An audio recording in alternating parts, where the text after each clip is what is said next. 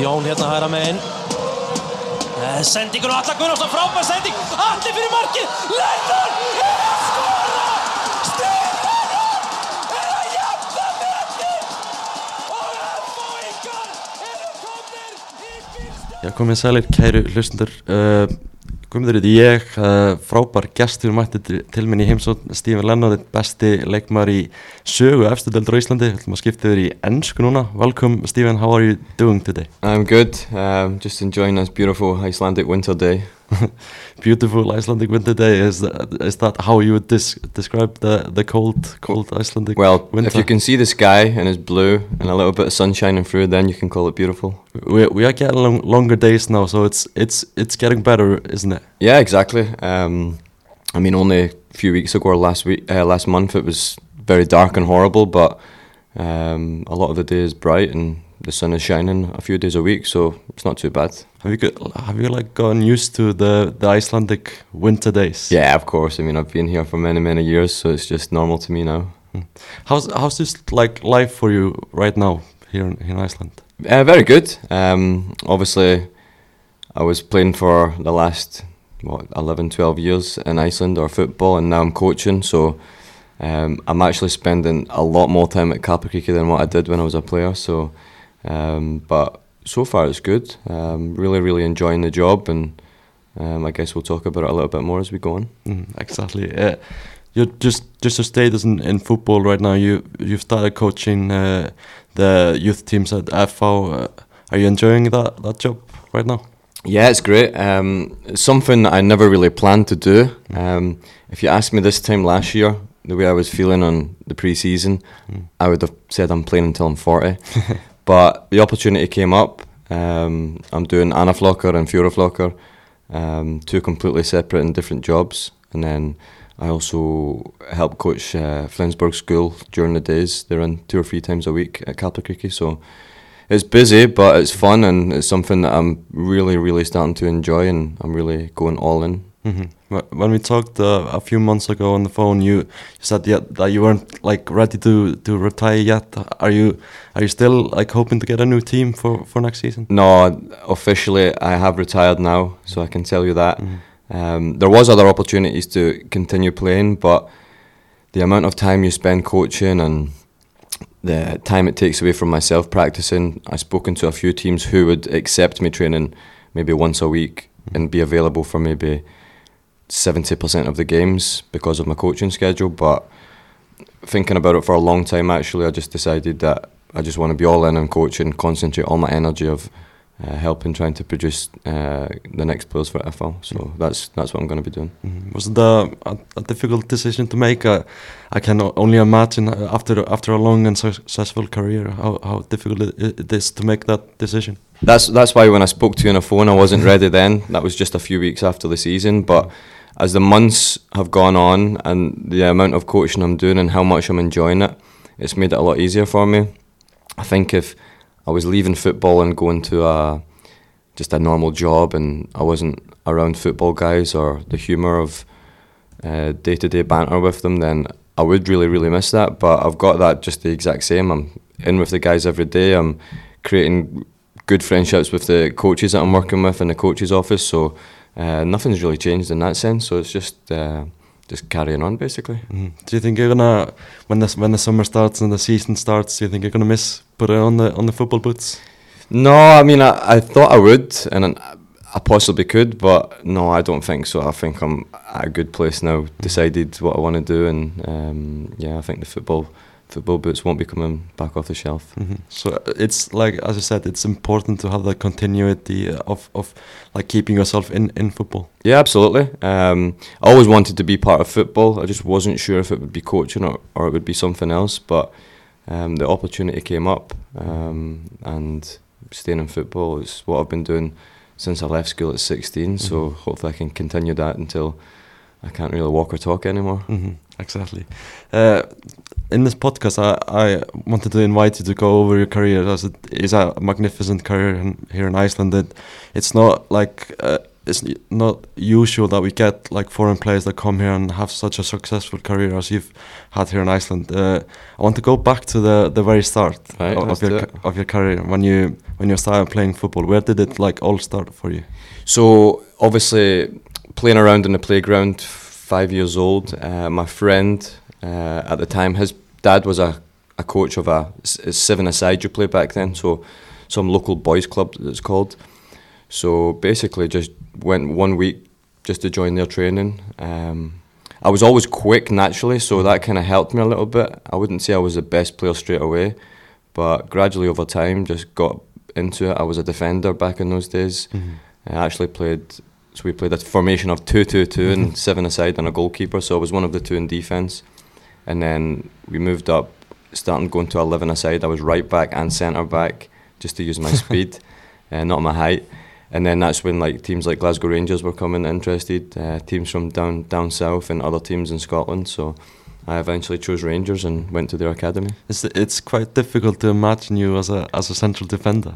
Yeah, it was like it was a sw- sweeper back in the day. so because I was quick and good at reading the game, I just covered everything, and then I would start attacks and sometimes just dribble through teams because I was quick. Uh, but that's basically my base in football. And then when I went into the academy, they realised okay he can play a little bit, so he, they put me into midfield, and I was a cent- central midfielder until 17, 18, and that's when I started moving into forward positions and um, yeah, it was only really when I came to Iceland I became like a yeah a striker basically. Really? Yeah. So you kind of you just played every position before you came to Iceland. Yeah, I mean, starting trying to get into first team football at Rangers, I was as a forward, but it would never be like a proper striker, which was what Fram needed at the time when I came. They needed someone who could score goals.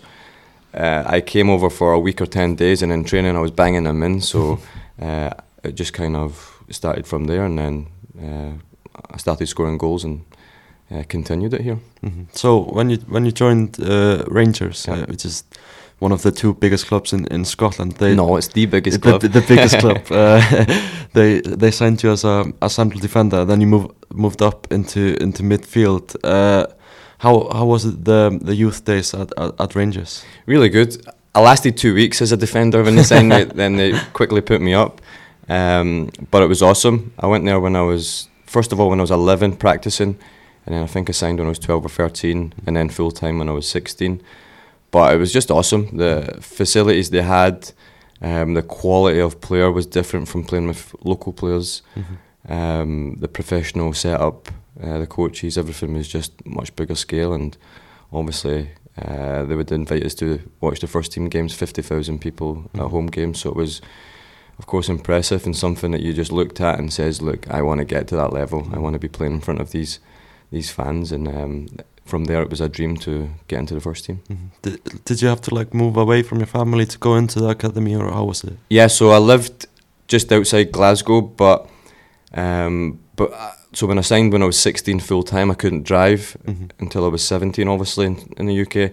So rather than always getting up so early and taking a train in or whatever, I would move closer to the training ground. So I moved away when I was 16, um, and I've basically kind of been away from family life since then.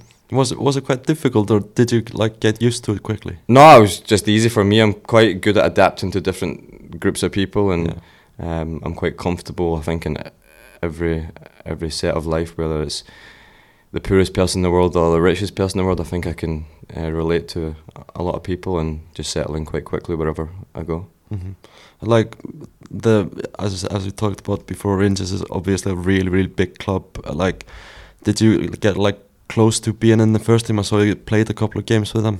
Yeah, I mean, basically since 17, I was training with them every day and um, almost on the bench every single week. Mm. Um, they actually had a rule where they had to have three under 21 players on the bench or in the squad, so that helped a lot to be get exposure to being on the bench and being around uh, top quality players. So I was around it a lot. Um, didn't make too many appearances, but I felt I couldn't do more in the youth team or the reserve team at the time to get a chance. It was just uh, they're a big team, a lot of players. Um, yeah, and just it didn't work out, so I, I looked abroad. Mm. How was it just to be around the, all those like players at, at the first team in, in Rangers? It was amazing. When when I was, I think it was 15, I used to come in from school in the breaks, like Easter break or Christmas break.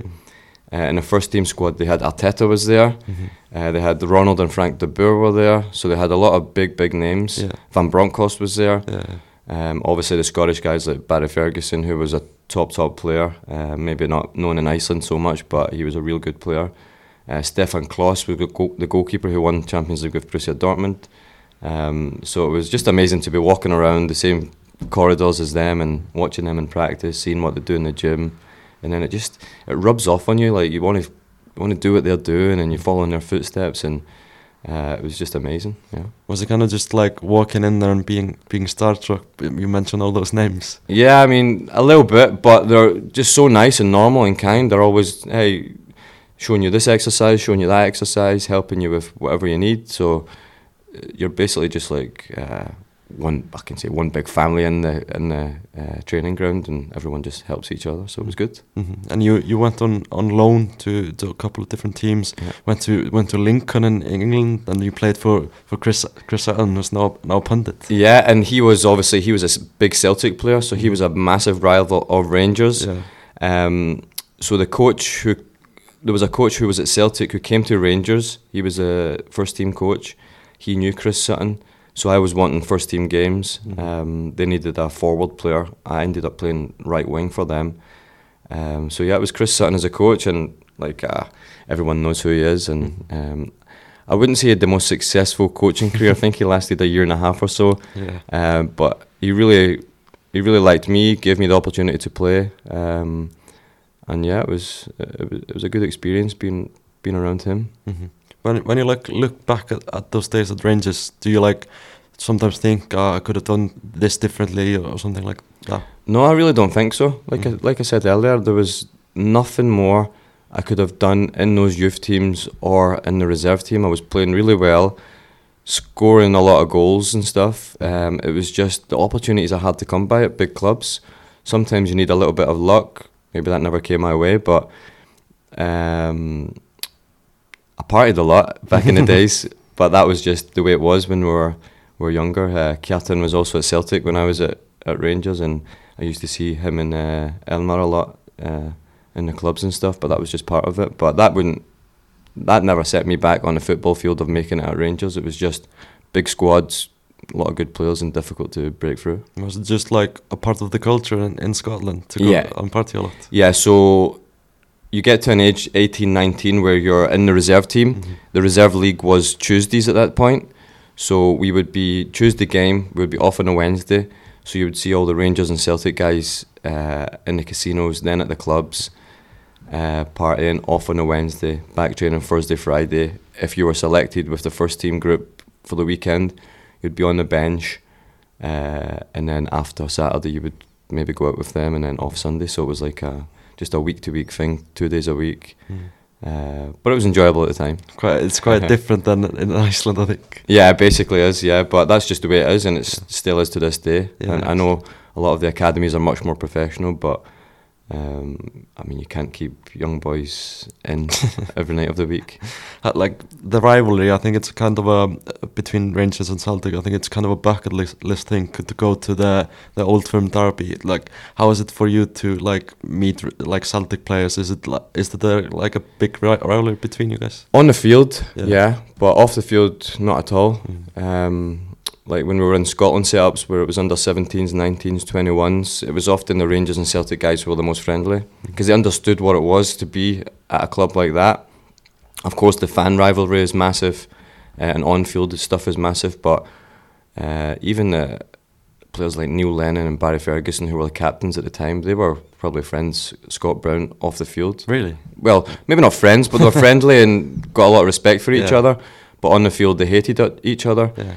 Uh, and that's just the way it is in Glasgow. Um, obviously, Gerrard came up from being in Liverpool, and he said that the Rangers Celtic, the intensity of the the rivalry of the fans and day to day life being in Glasgow is uh, difficult to deal with. Yeah. Isn't it just to go to those games? Isn't it something that every football fan just needs to experience? Well, it used to be, but now they've banned away fans going, so Celtic fans don't come to Ibrox Rangers Stadium. Really? Yeah, and Celt- uh, Rangers fans uh, don't have allocated tickets in the Celtic end, so it's basically you're just playing against 60,000 people if you're away to Celtic, and they come and play against 50,000 people. So it's not the same anymore, which is destroying it a little bit, in my opinion, because I was on the bench for about 10 Old Firm games, Mhm. and the atmosphere just sitting there is unbelievable. You Yeah. just don't hear any of the players talking on the pitch, and as a young teenager, experiencing that is uh, it's fucking awesome. Yeah, I can im- I can Yeah. imagine that. Yeah, Like, it's- I've seen the seen the videos of, of it on YouTube and I watched those games. It's like it feels like an absolutely incredible experience. uh, Yeah. uh, uh, like atmosphere. Yeah, exactly. And I've been there many times as a fan in the stadiums, but being on the pitch and just hearing everyone, and especially at Celtic Park, which is 10,000 more fans, uh, when they're singing You'll Never Walk Alone, and Yeah. The the crowd just before the game, it's, it's goosebump stuff. It really is incredible. Mhm. Was it is is it, is it just the the violence that that decided to ban the the away fans? Um, I'm not too sure actually how, how it ended up like that. Um, but these days there's not as much violence as it used to be. Um, used to be a lot of violence during these games and in the town centres, but it's not the same anymore. Um, I think just people have kind of grown out of all these religious battles they have with each other, Yeah. and um, yeah, it's not as bad as what it used to be. Yeah, exactly. But like leaving leaving Rangers was it was it like difficult to say say goodbye and move on to different things? A little bit because I'd been there since I was a kid in a long time. I think I left when I was 21. Um, so it always is if you've been at one place, the same when I left. If I was a player, then it, Mm. it is difficult uh, because that's what you're used to, that's what you enjoy, that's where you want to be. Um, and it was just a club that really suited me, the type of football, trying to win, always in possession. Um, so it is difficult to leave, but all the coaches always tell you, like, hey, you're going to regret the day when you go out those gates at the training ground and you'll never be back. And like, yeah, yeah, whatever. But when it does happen, then you're like, oh shit, I should have maybe listened a bit more. But um, yeah, it's, it is what it is. Football, you have to move on and move on to the next chapter. And then um, I did that and I moved obviously abroad here. So Mhm. You, it was first like Dundalk, Newport County, and then Iceland. Exactly. So these clubs aren't the most sexy clubs, and so you leave a club like Rangers, who you've spent a lot of time. You're always on the ball in possession. That's all you know. That's all you've been taught.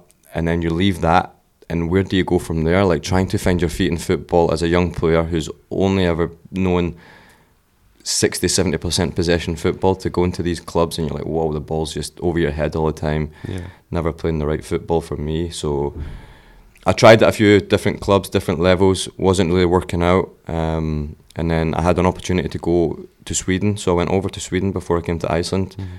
Uh, trained there for a week. They offered me a contract which wasn't the best of contracts. Uh, in the airport in Sweden, I got a call about would you want to come to Iceland from Alan Lowing, who was at Fram at the Yeah, time. yeah. So I says, hey, nothing to do, why not? They booked me on a flight and then came over, met uh, Toddy and he liked me and stayed at Fram. So you kn- you knew Alan from from Rangers. Yeah, he w- so we grew up together at Rangers. Yeah. Uh, he was there around 10 or 11 also, so he was another one similar to me.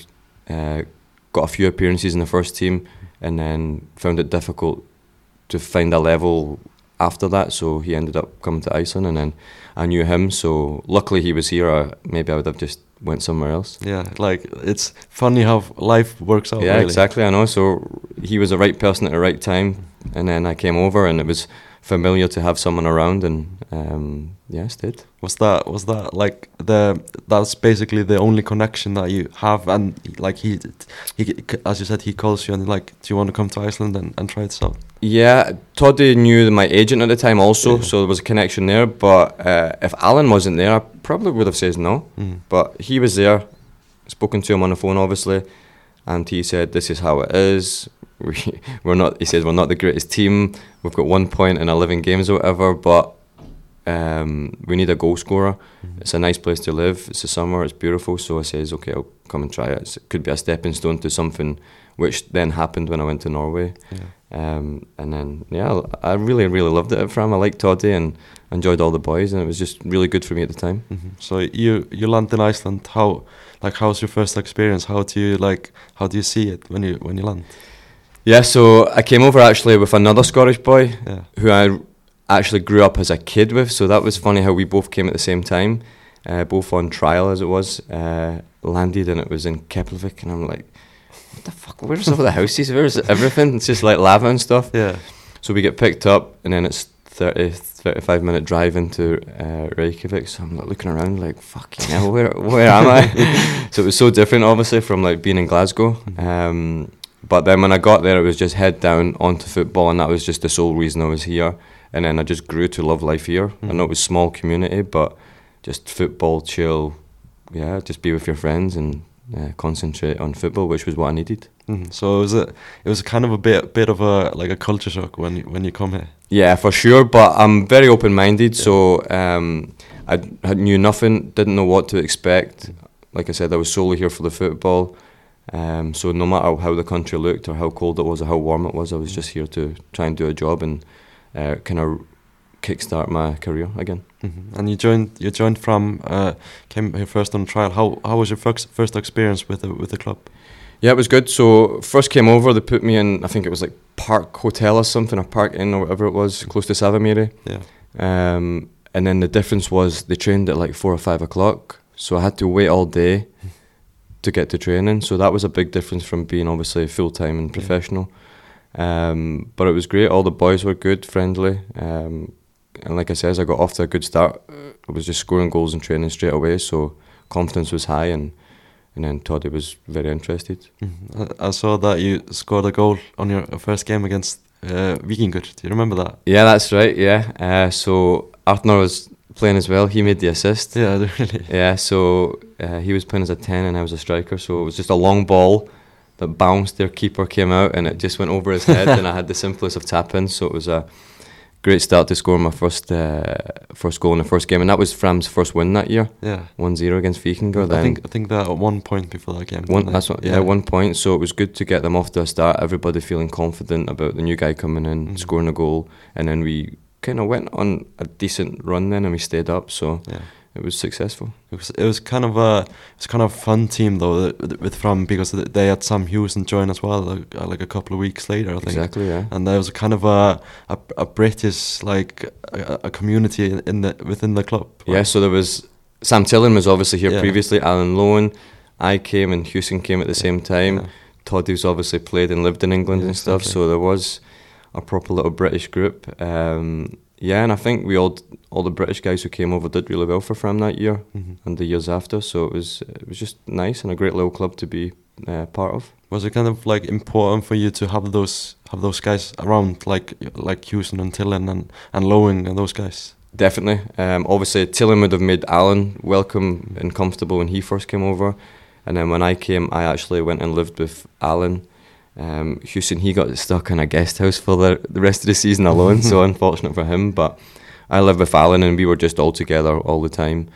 Um, just, yeah, just like Brits abroad, just having a laugh and playing football. So it was really fun. How was how was this life to start start with? Did you did you really enjoy it like outside outside the pitch? Yeah, because it was just blue skies, the sun was shining, so it was summertime, and summer in Iceland is beautiful. The sun doesn't go down. No, exactly. So, and we play golf a lot. So we're playing golf, football, chilling during the day, and then training in the evening. So it was just a nice little life and comfortable, and uh, just kind of exactly what, like I said, what I wanted and what I needed. So uh, Iceland came at a great time for me. hmm And then you signed uh, a new contract after after your first season with Fram. Did you at that point expect to be here more than ten years? Really?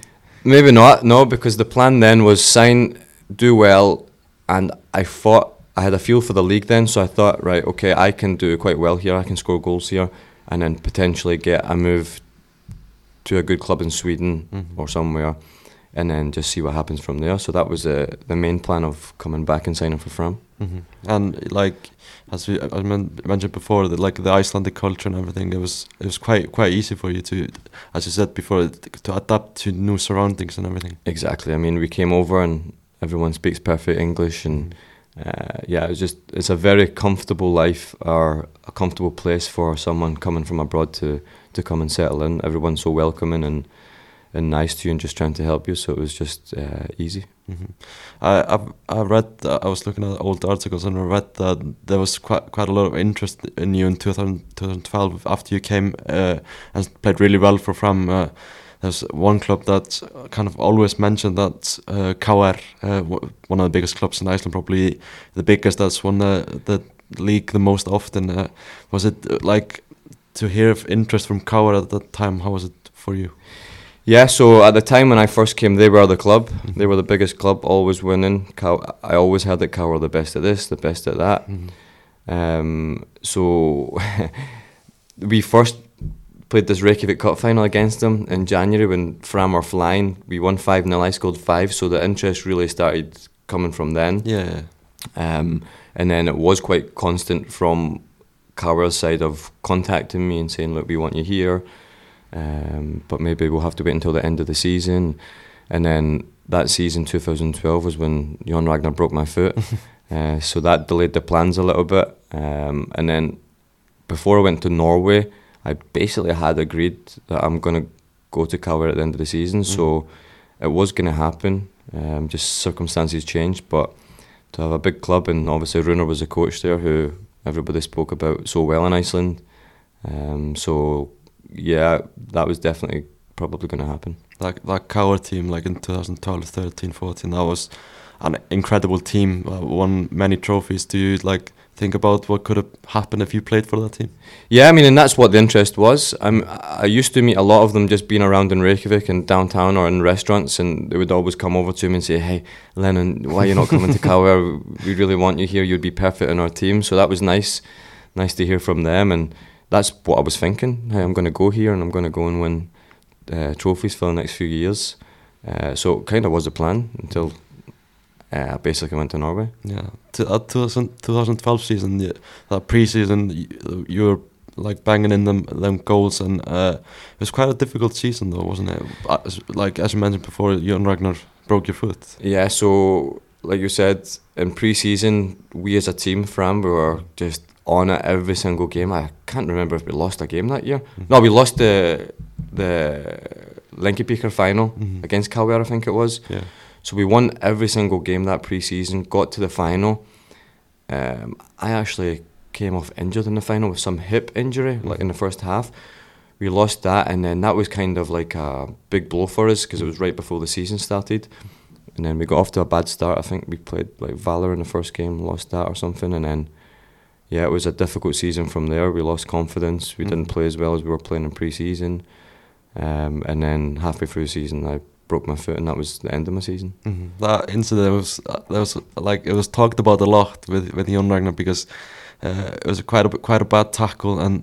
No, e- everything that happened after it, he was he sent you some gifts and everything. Yeah, so basically, I, I had no idea who this Jon Jonsson guy was. Didn't know he was a musician until he smashed me at the halfway line and then celebrated as he walked off. Um, but he didn't really realise he'd hurt me um, until after.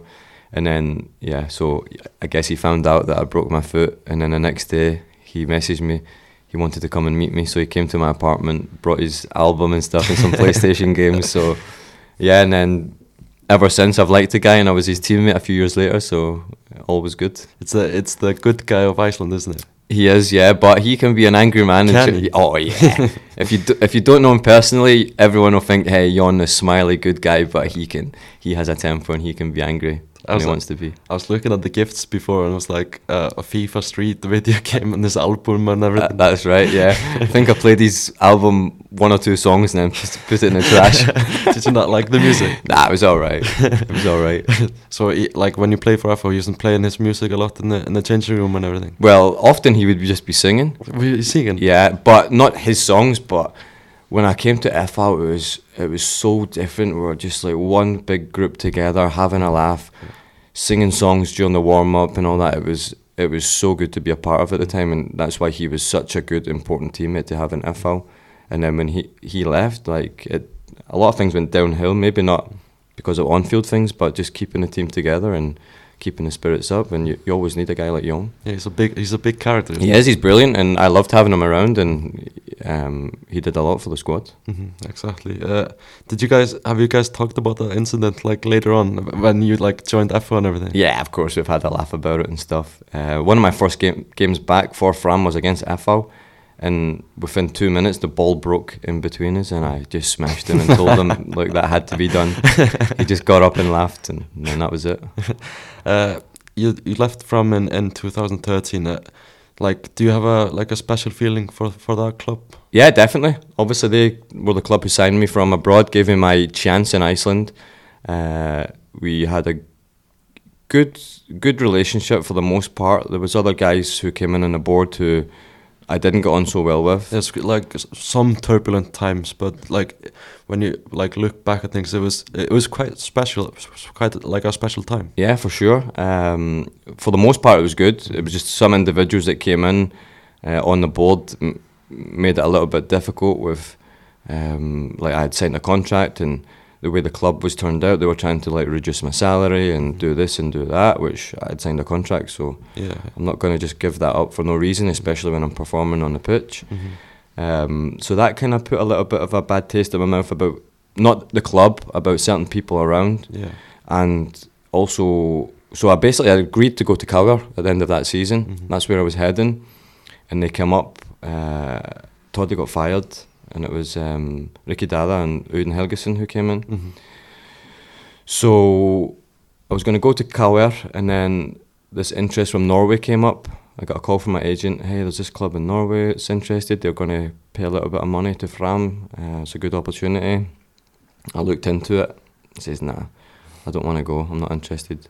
I'm just going to wait until the end of the season. And well, I didn't tell him I was going to Calgary. and then that was that. Two days later, I got a call saying, All right, we've booked you on a flight to Norway. You and Auðun, the assistant coach, are going to go and check it out. Yeah. So I was like, yeah, okay, I'll just go check it out. Uh, and then I go over there and it's like 32 degrees, sun is shining, everything looked all right. So yeah, that's that's I says, oh, fuck it, I'm going to sign. Yeah. And then I signed there, which later on I did regret. Should never have went. It wasn't a club that suited my style of football, and then that's ultimately why I cut the contract short and came back. And came back to came back to Iceland.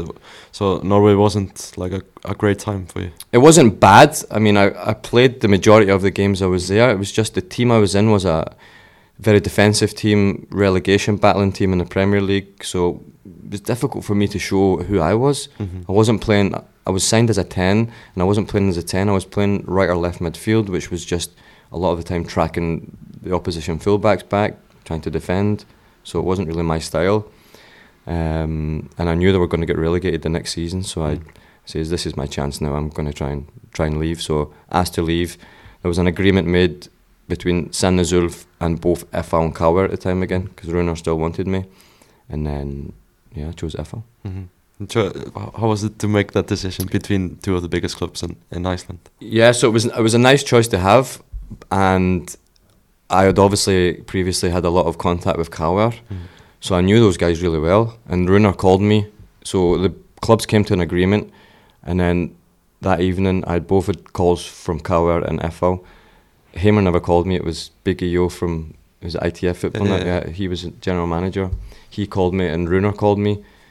Um, so Runar was fantastic. I wanted to play for him and stuff, but I had Sam Hewson and Sam Tillen on the phone as well, saying if you go to KR, we're never talking to you again. Because FH is a great club, great facilities. We have a squad. If you come uh, to do well, we're in Europe. We can win the league in the next few seasons. So basically, being back with the British boys again was a big factor in it. And I loved being at Kaplakriki when I'd been there with Fram. Yeah, The facilities were excellent it's a compared nice stadium. Yeah. Exactly, nice stadium. Great, my favourite place to play when I was originally in Iceland. Um, great grass field, uh, good facilities with the gym and all that. So I chose the facilities and my mates from Britain over going to KR, Mhm. which I would have loved to play under Runar because I really respect him and speak to him a lot when I see him these days. Yeah. Um, so that's a little regret not playing for him. But to join FH, then it was just a very good decision in the end up. It must have been like it must be nice though to to have Runar Kristinsson, who's a legend in Iceland, to have wanted you like many many times. Yeah, exactly. And I, like during those talks, I was actually in his house and stuff, talking to him about it. We watched, I think, a Champions League together and just talked about football and stuff. So uh, to have like a legend in Iceland like that show a real interest in you, then it's it's really nice. Mhm. And you come in uh, quite a special season in 2014. It's uh, like it's one of the most famous seasons in Icelandic football, and you have that game against Right, Stjarnan. yeah, yeah. So obviously, I joined FH. I think the end of July, start of August. Um, we were in the European competition, and then we got knocked out of that. So it was just right. Okay, sole focus now is just winning this league. So we were just going on a roll, winning most of our games, and then it came to the last four or five games where we thought, "Fucking hell, starting, they're just not going mm-hmm. away." We came in after a game, we had won 3-0 or something. Oh look, Stjarnan they scored in the 95th minute to get three points. Brilliant. So they just kept on our tails, and then at the end we had this one final game to settle it all. Um, Six thousand people at Capri Still to this day, the best game I've been involved in, even Yeah. though it didn't work out well. And yeah, it was just an awesome spectacle for Icelandic football. That like it's like a a script for a Hollywood movie that season. Like the end to the season, it's just unbelievable. Exactly, and especially the the drama that went on during the game and the the amount of people that were there watching it and stuff. It was like you said, you could make a documentary out of that season. Yeah, but um, unbelievable. it was it was amazing. Like uh, as I said, all the dramatics. There was an offside call and the red card and the, the penalty in the end. It was unbelievable. Exactly. I mean, obviously the offside was ridiculous. How that could never be flagged is incredible. um, but it was what it was. Um, so we get in at half time, and I'm saying to the boys, "Look, hey, we are the better team here. We are going to score. We just need one goal because we just had to draw. They had to beat us." And then especially when uh, Veigar Páll punched, I think it was Boye punched or something, got Yeah. sent off. So I says, "Right, okay, we're going to do this." Mhm. A few minutes later, then I get the goal, 1 1. So I'm thinking, right, this is it, done. They're not scoring again with 10 men. We had a lot of chances.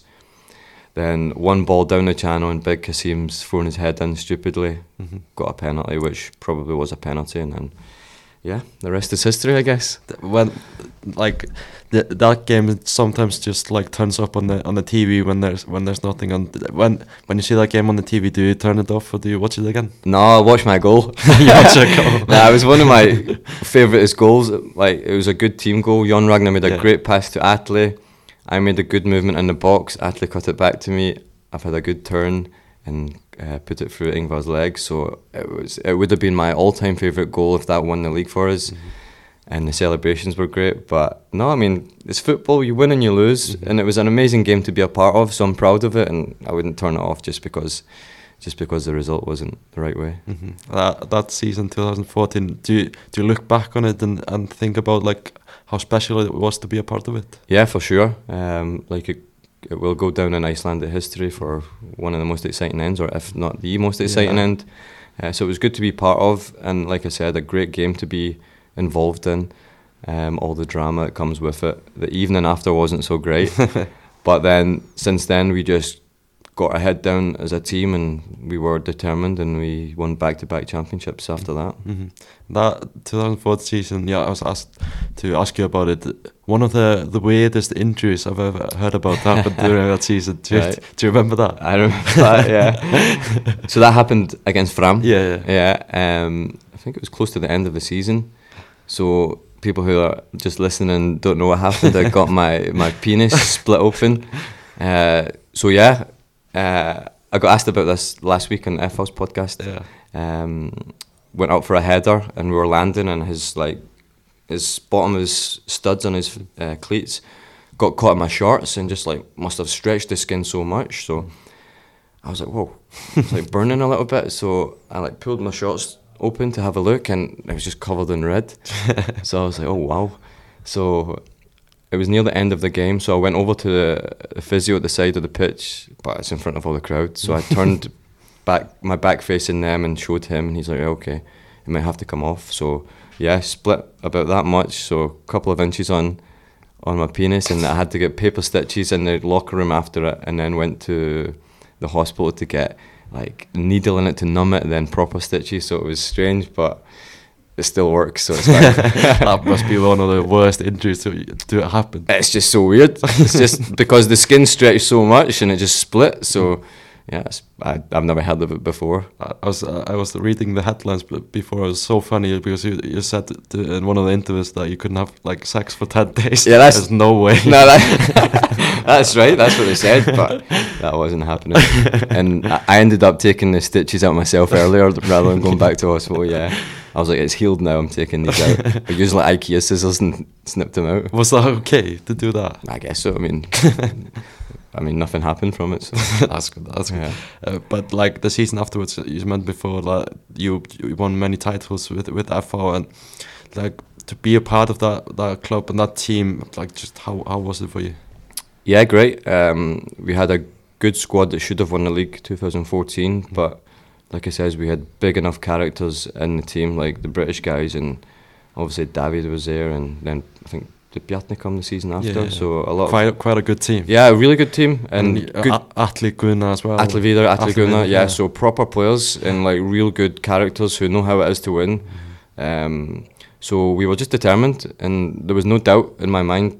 No matter what team came up against us, we would we would win the game, uh, the league the next year, and then it came quite comfortable. I think we won it um, quite comfortable in the end, so it wasn't too much of a challenge at the time. Um, but yeah, to go to go on after that upset is uh, is nice to to answer with winning back to back trophies. Yeah, it shows it shows quite a big character after that. Like massive disappointment to lose that game against Stjarnan to come back and win win those titles. Yeah, and we never once as a group sat down or with Heimir and talked about, look, hey, look what happened last year. We're going to use this as motivation. We just had it naturally uh, in ourselves, individually and as a team, to uh, understand the pain from it and uh, how horrible it was. So we just all knew we had a job to do, and um, yeah, and obviously we had still Kassim, Jonathan Hendrickx, top Mhm. top top players at this level. Yeah, yeah. So we had a squad that should have won the league, and uh, we did quite comfortable. hmm Kassim Doumbia, like he's he was quite a character. He was a wild man, and after the Stjarnan game, he was. Yeah, like, he was. I was the guy who had to, because I was on the bench for the last ten minutes of that game, so I seen all the drama happen, and I seen Kassim, and I knew the way he was was, and I was like, oh shit, and I've seen him go for. Is it Kitty was the referee? yeah. Yeah, so I've seen him and I says this is not going to end well. So I've sprinted like 40 metres onto the pitch and just bear hugged him and manhandled him to the floor, his elbow in my head. And so I managed to take him down and he's smashing the ground, crying, saying, Lenny, I never touched him, I swear, believe me. So that was that. And But the first year when I came, he was an awesome, awesome player. Mhm. Everyone was afraid of him. He was a dangerous man. He was a brilliant player. He was a brilliant player, but I think his uh, reputation, he was getting a few red cards, so I think people spoke to him to calm down and all that, which Kassim then couldn't be Kassim. Mhm. He had to be aggressive and win every ball and go for everything, and we just had to accept he would get red cards every few games. Mhm. But for him to be at his best, he had to be aggressive, and we or other people took that away from him. I thought, I thought so he couldn't be at his best the, the next few seasons, and but he was really good for FH, I think. I think you just uh, you have to let let a character like that. You have to let him shine, be who he is. Exactly, you sign him for that reason. Yeah. So there's no point trying to like hold him in and tell him, look, you can't do this, you can't do that. This is what he's good at. Mhm. Let him be aggressive, um, because with the ball he was also really good. He had a nice left foot, could build up attacks, and then set pieces. Like you could put the ball up above anyone, and if he wants to win it, he's winning it. No matter if it's the tallest man in the world, he would win that ball just through sheer aggression. How was it to during that time to play for you know, Heimir? He's won all the trophies with FH, and uh, he's a he's a he's a f- like funny guy, but he's a also quite serious as well. Like how is he as a manager? Yeah. Um, on a personal note, he's a good guy. He can have humour and stuff.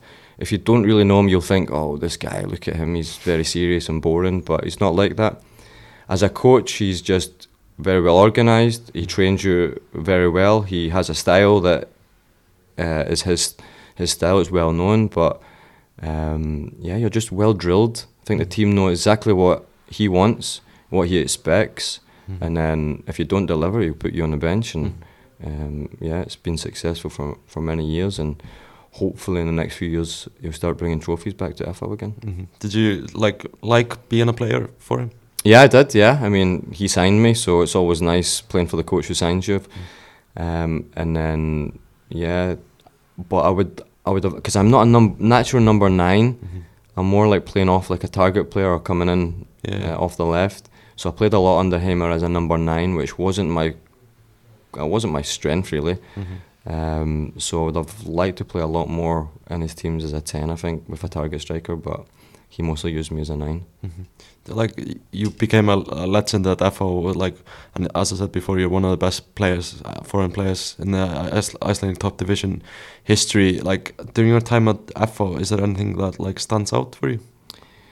Um, no, just the whole experience of being at a club like FH uh, is one big family club, and most clubs do not like us. So, and I had that when I was at Rangers. Everyone doesn't doesn't really like you, and obviously you've got guys above like uh, Viti and Yonsi who are outspoken. They do it their way. Uh, they look after each other, like like I said, one big family. Um, and then on the field, we're a very good team.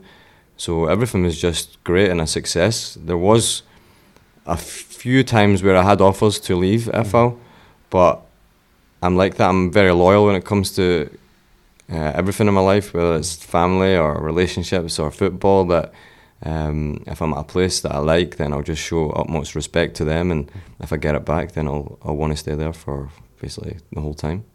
And in 2018, you became the the top foreign goal scorer in Icelandic top division history. Like that achievement in itself, how how was it? Yeah, it was great. And like we talked about earlier, from not being a natural goal scorer growing Yeah, up to turning into one when I came to Iceland was.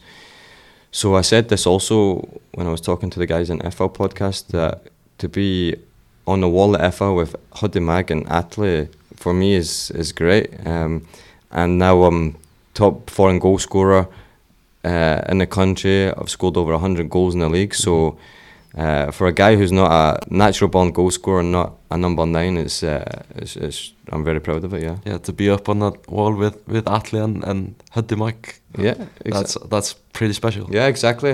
I said that last week also. Like two legends, two goal scorers. I wish I could score the simple goals that they scored.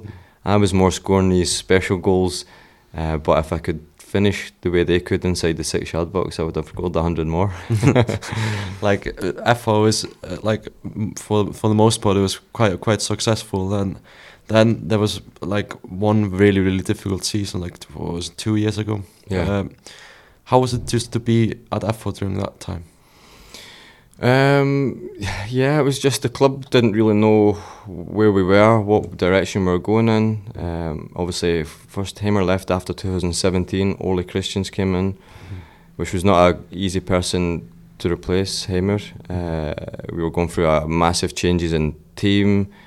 Uh, we lost a lot of big players. Um, it wasn't so successful under Ole, although I really enjoyed playing under Ole. Yeah. Uh, for me, he's a good guy and a good coach. Um, and then after that, it was Ole. No, it was Logi and Eidur who came in 1st Mhm. So they started doing quite well. Um, but yeah, it was just a period that most football clubs go through. You can't always be great. Um, and then you just have to get your head down, keep playing, try and play yourself through it. Hopefully, things turn around off the pitch and on the pitch. And then I think now we're starting to see that at FH. They've started to turn it around. We've got a lot of young players in the squad, yeah promising players. Uh, so I think good times are ahead for us. the future is is bright in, in Kaplakriki I would say so. I really, I really believe in the squad they've got now. Uh, I think they need to add maybe one goal scorer to the team. Um, but I think they've got a number of good young players, and with Heimir and obviously Kjartan now helping them, and uh, myself and Anna Flocker and guys like Tommy Nielsen and Emil Pálsson Mhm. coaching youth teams as well. Then hopefully we can produce a lot of players for the future, and I think yeah, in the next uh, five six years, hopefully we can be back at the top. hmm you played played for uh, Eidur Johnson at FH is of course a legend in I- Iceland football probably the best player to ever come from Iceland The best. the best the best uh, how was it to play for, for him Great. Um, obviously, growing up in the UK, my best friend at school, he was a massive Chelsea fan. So he, before I knew I was ever ever coming to Iceland, he used to love Eidur, mm-hmm. and he used to do the celebration every time he scored in the playground, just like yeah and he used to say Iceman. So that was a, that was what I knew of him. And obviously, growing up watching the Chelsea get successful, and Eidur was in those teams.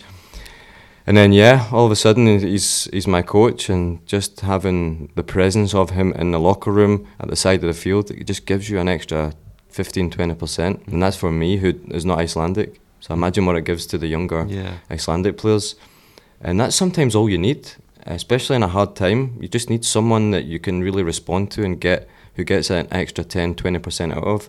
And then I think the season ended up okay for us that year. Mhm. Um, but of course, legend gives you little golden bits uh, of advice. Mhm.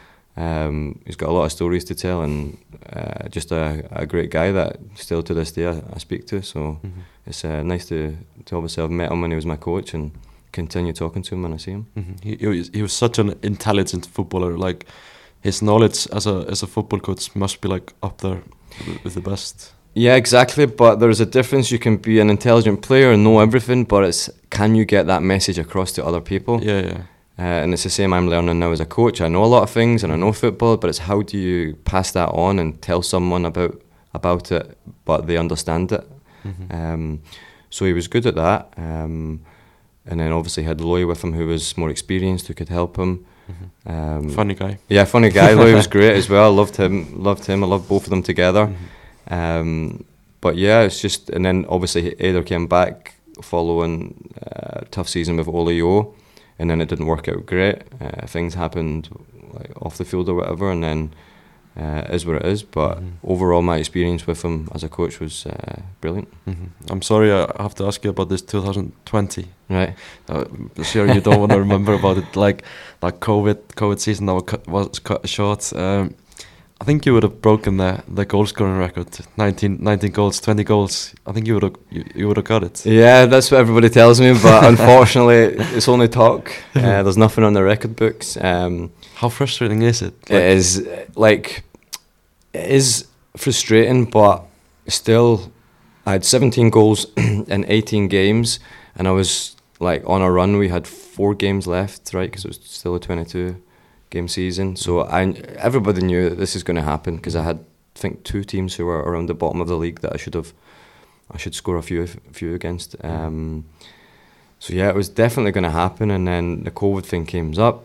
We had a little break. I was still out in the street, like because we weren't supposed to train together, out in the Mhm. street alone, doing my runs and having that goal in my head that I'm as soon as the game starts again, I'm gonna be straight back at it, hundred percent. Hopefully, other people are sitting in the sofa so that I'm I'm more ready for them when we start again. And then we get the call or the announcement comes that uh, they've stopped the league. So it was yeah, it was horrible and disappointment. Um, but at the end of the day, it is what it is. It doesn't matter. And I know I would have. A lot of people knew I would have. Uh, it's just a shame it's not going to be written down in history. But like I said, it is what it is. Just move on and yeah, whatever. How how mad were you at the decision at that at that time? I, it's frustrating, but I was I wasn't super pissed to be honest. Mm. I tweeted like this is number one bullshit or something, but I was just joking. Um, I'm a difficult guy to get mad, to be honest. Um, so yeah, like I said, I kind of knew the decision was going to happen, um, and then it happened. So I just thought, okay, it's done. Just move on to next year, and I'll do it next year. That's what I was expecting to do, Mhm. but that never happened either. I think uh, like one of the best things about you like is is your character. I think uh, like one one of the things that I've noticed like from following you your career in Iceland that you're never afraid to like speak your mind. You just say it how how it is. Like, do you think that's like one of your best characteristics? yeah, I mean, everybody who knows me will say the same thing. Mhm. Um, no matter what it is, whether it's a good thing or a bad thing, I will tell you what I think. Mhm. Of course, it can land me in a lot of trouble with some people, and from the outside, people will think, "What is this guy talking about? Who is this idiot?" I remember 2016. Yeah, Do you remember exactly. Yeah, but they don't realise, or I've told the story many times that I was just—it's just my sarcastic Scottish nature. That's the way we are. Yeah. Um, so at the time we were watching that match against France, Mhm. with 15, 16 other FH guys in Davithor's house after having some grilled food. And I was just having a laugh the way I always would. Because in Scotland, if this was happening to our national team, um, we are, well, we are proud uh, nationals, but we're not as proud uh, like, of you guys. You relate so much to the national team and doing well. So for us, it would just be humour. We could take the piss out of our national team. Mhm.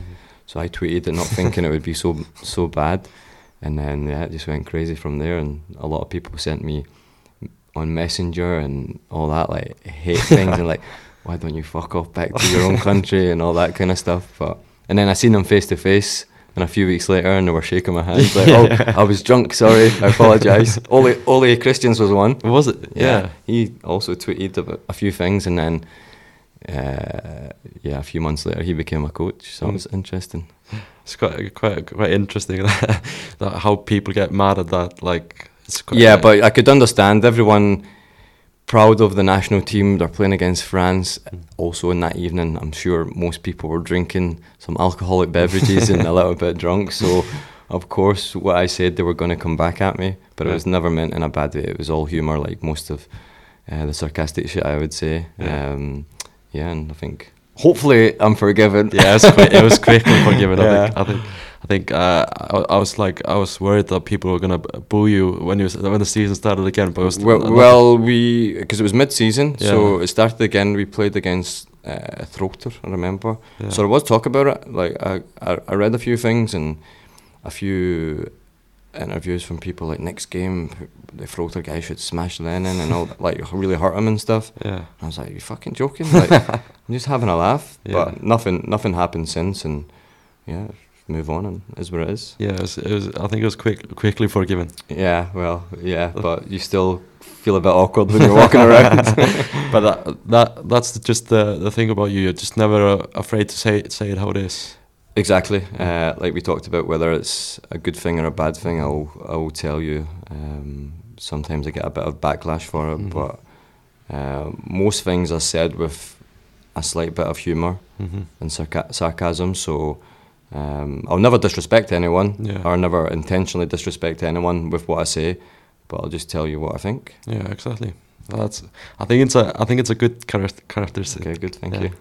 Uh, just uh, to to wrap up, I want to talk to you about your your coaching. Uh, Yeah. Of co- of course, you had a, a brilliant football career in Iceland, but now you started uh, coaching at, at FH. How's like we talked about before? How's it going and everything? Like you must be like really enjoying it so so far. I am. Um, it's something that I never really intended to step into. Um, like I told you earlier, like this time last year in pre-season at FH, I was like Heimir just came back in. I was playing slightly deeper, like one of the eights or like a ten, where I was getting a lot in build involved in the build-up. So I was really doing well, scoring goals in the pre-season. Went we went to Tenerife and then uh, coming back on the flight. So I had in 2018 I had this hamstring injury, like on like just on the attachment where you sit down on. So I struggled for a f- like a year and a half from 2018. Uh, a lot of people don't know that. And then coming back on the flight, I sat for six hours constant. I didn't get up to do a piss once. Yeah. And then as soon as I stood up, I could feel this this flare up again. So I struggled with that. We had a game against Vikingur straight after Tenerife, played in that, scored, and then I was going through 1v1, had a shot with my left foot, and I really felt my hamstring. So um, that's what kind of killed me at the start of the season. Then I broke my hand the first game I started back last year, Yeah. played against ÍBV, made an assist, scored, broke my hand, Mhm. and then that ultimately led me to having to go to Þróttur on loan. Mhm. So if you asked me this time last year, I would never have said I'm going to be a coach now next year. I would have said I'm going to play until I'm 40. Yeah. But the situation of how the year went, and then FH came to me and says, "Look, there's a chance that you could come into coaching here. We'd love to keep you in the club and uh, around all the young players. You're a great role model. You've done well. You've done everything that we want them to do. So, would, would you think of it?" Mhm. So the opportunity came up, and um, I thought about it for a while, um, and then just says, "Yeah, like this is just the first step on a new, a new career. So I'm to go for it." And then ever since, just every week I've gradually loved it more and more. And like right now, I'm just all in on it, really trying to learn as much as possible from the coaches around me in in Kaplakriki. And uh, yeah, it's just I think it's going to be successful in the future. Mhm. Is there is there like a coach out there that like really inspires you and you like get ideas from and everything? Yeah, so at the moment, I'm love watching uh, De Zerbi's team at Brighton. Yeah. Um, I think there's a lot of talk about him right now. Um, so which is it's a different setup from a lot of what the the kids are used to at FH. I wouldn't do this with Euroflocker at the moment, but with the Anaflocker players, I'm trying to bring in what he wants uh, from his players. So I'm watching a lot of uh, clips on YouTube and uh, watching. I basically watch all the Brighton games that are on, uh, Yeah. just to see his style of build up and stuff. So I'm trying to bring a little bit of that into my team in Anaflocker.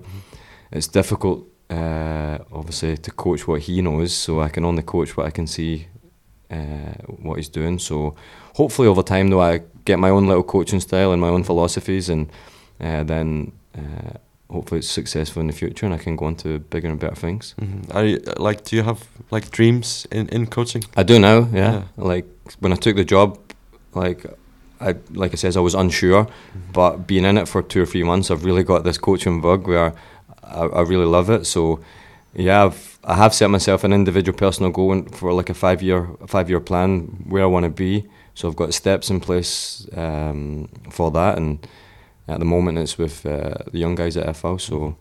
I'm hoping to spend a few years learning as much as I can, making all the mistakes I can at that age where it doesn't matter so much, um, and then learning from the people around me, and then hopefully I can grow as a coach and into my own my own style, and then uh, hopefully it's a long and successful career. Mm. Quite, it's it's quite exciting, isn't it? Oh, really? Yeah, I'm super excited about it. Uh, yeah, so it's like right now I'm just taking everything in. I'm going to uh, a lot of the Mr. Flocker trainings and listening to what they're saying, and even like Emil Páls, who's been coaching only just one year, but it's still one year extra experience in what I've got. So I'm often going around him, uh, listening to him around games when I've got some spare time. So I'm just spending my time around guys who are more experienced than me and just taking little bits from each of them, and then. So it's, it's nice to be back learning again, rather than being a senior player and playing football and knowing what I know. Uh, to be sitting down and being humble enough to sit there and listen to everybody and what their styles and plans are, and taking little bits that I could use. It's uh, it's really cool. Mhm. When you like look back on your career, uh, are you are you really happy with how it went? I think so. Oh, of course, when you look back as a kid, you have these big dreams of being a Champions League player and playing for this club and that club. That would have been great, but the way it worked out, then yeah, um, It's quite it's quite unique. It's unique, yeah. I mean, moved to Iceland and had a successful career, career here, which not a lot of people or foreigners have done. Um, of course, I've got a young son who's uh, half Icelandic, so that's great. I would never have had him if I never uh, jumped on that flight. So uh, overall, it's been amazing. Uh, I enjoyed every single part of it, the highs and the lows. Um, and yeah, I've, I've finished. My last kick of a football was for Þróttur, which was a goal. Yeah. Believe it or not, a winner against Afturelding. So having my last kick as a goal and a winning goal, you can't write that really. So it's a, just a nice time and uh, on to the next with the coaching. And uh, like I said, hopefully it can be long and successful. Mhm. It's quite fitting, isn't it, to end end your career with a goal? I would say so. Definitely the way it's been here in Iceland, um, that's what I'm kind of known for. Even though I wouldn't say I'm the most natural goal scorer um, myself, but to yeah, Þróttur were in a tough place where they had to stay up. So finishing the last game of the season with a goal, winning goal, they stayed up at a great little club uh, that most people love. Then it's it's a nice ending. Mhm. And as we talked about before, it's it's quite funny how life works out. That you jumped on a plane to Iceland and you, you're still here, and you have a have a son here and and everything. Yeah, exactly. And then hopefully he can, well, not hopefully, he can do what he wants, but if he does follow in my footsteps and plays for FH or whoever, then it would be it would be great to see and I'll be very proud of it. Are you training him up to be a, a footballer? well, he's actually pretty good to be honest. So he's he's doing all right. He's uh, obviously an FH, and then we do little bits at home. But there's absolutely no pressure on him to uh, become anything uh, apart from what he wants to become. So if he becomes a footballer or a golfer or just good in school, then I'm just happy that he's happy. I've seen also the videos on Instagram. You're also like training him up to be a golfer. Yeah, well, trying to. Well, I'm I'm not trying to make him a golfer. I'm just making him good at social sports. Yeah. So in his bedroom, he's got like dartboard, pool table, all that kind of stuff. So he's good at all these social sports. He'll play with his mates, Mhm. and I think that's just um, very important for a, a kid growing up. You don't want to be hanging around with your friends and they're good at golf, but oh, I can't go and play golf with them because I'm I suck. Mhm. So to get him to a level of being social, socially good at sports, then that's all I'm. My job is as a father, and if he can take it any further with his talents and the coaches around him, then yeah, good. Mhm. Uh, one final question, maybe a bit difficult one. Is there like a, a moment from your career that stands out, your like favorite moment? Um, I d- it's a difficult one. I've, I would probably need time to think about it. Um, I don't know. Maybe my home debut for Rangers, probably. Mm-hmm. Like, as a young player, I think I was 18 at the time, coming on 50,000. Ibrox. Yeah. Yeah. So I would probably say that. but overall, in terms of in Iceland, I just fucking loved that Stjarnan game, even though we lost. I really loved everything about it because it was a proper, proper game. Mhm. It was for something. Everything, every moment in the game meant something. This is what you dream of as a footballer. Exactly, and I would- I would love all these games in Iceland to be like that. Like the Icelandic, the cup final should be in places like Kaplakriki where the fans are just all around you, Yeah. not like 50 meters away from you, and half the stadium's empty. Mhm. So I would really, I know I don't have a say in KSÍ, but I would, I would really think for the players' sake, it would be so much better and better atmosphere and a better spectacle to have it at somewhere like Kaplakriki. It's a grass field, fans would fill the stadium, Mhm. so I think it would be a better look for for the country, and it would be much greater for the players involved. Yeah, don't get me started on that. stadium. uh, I think that's it for me. Just it was amazing to hear hear your story and uh, all about your experience in Iceland and just to follow you as a as a player in Iceland. It was absolutely amazing.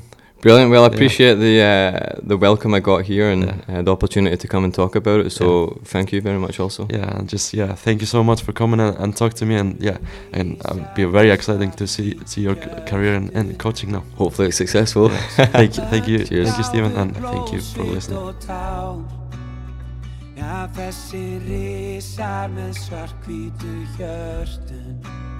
Skrifuð í sögur stórum stöfum FH FH, FH Skrifuð í sögur stórum stöfum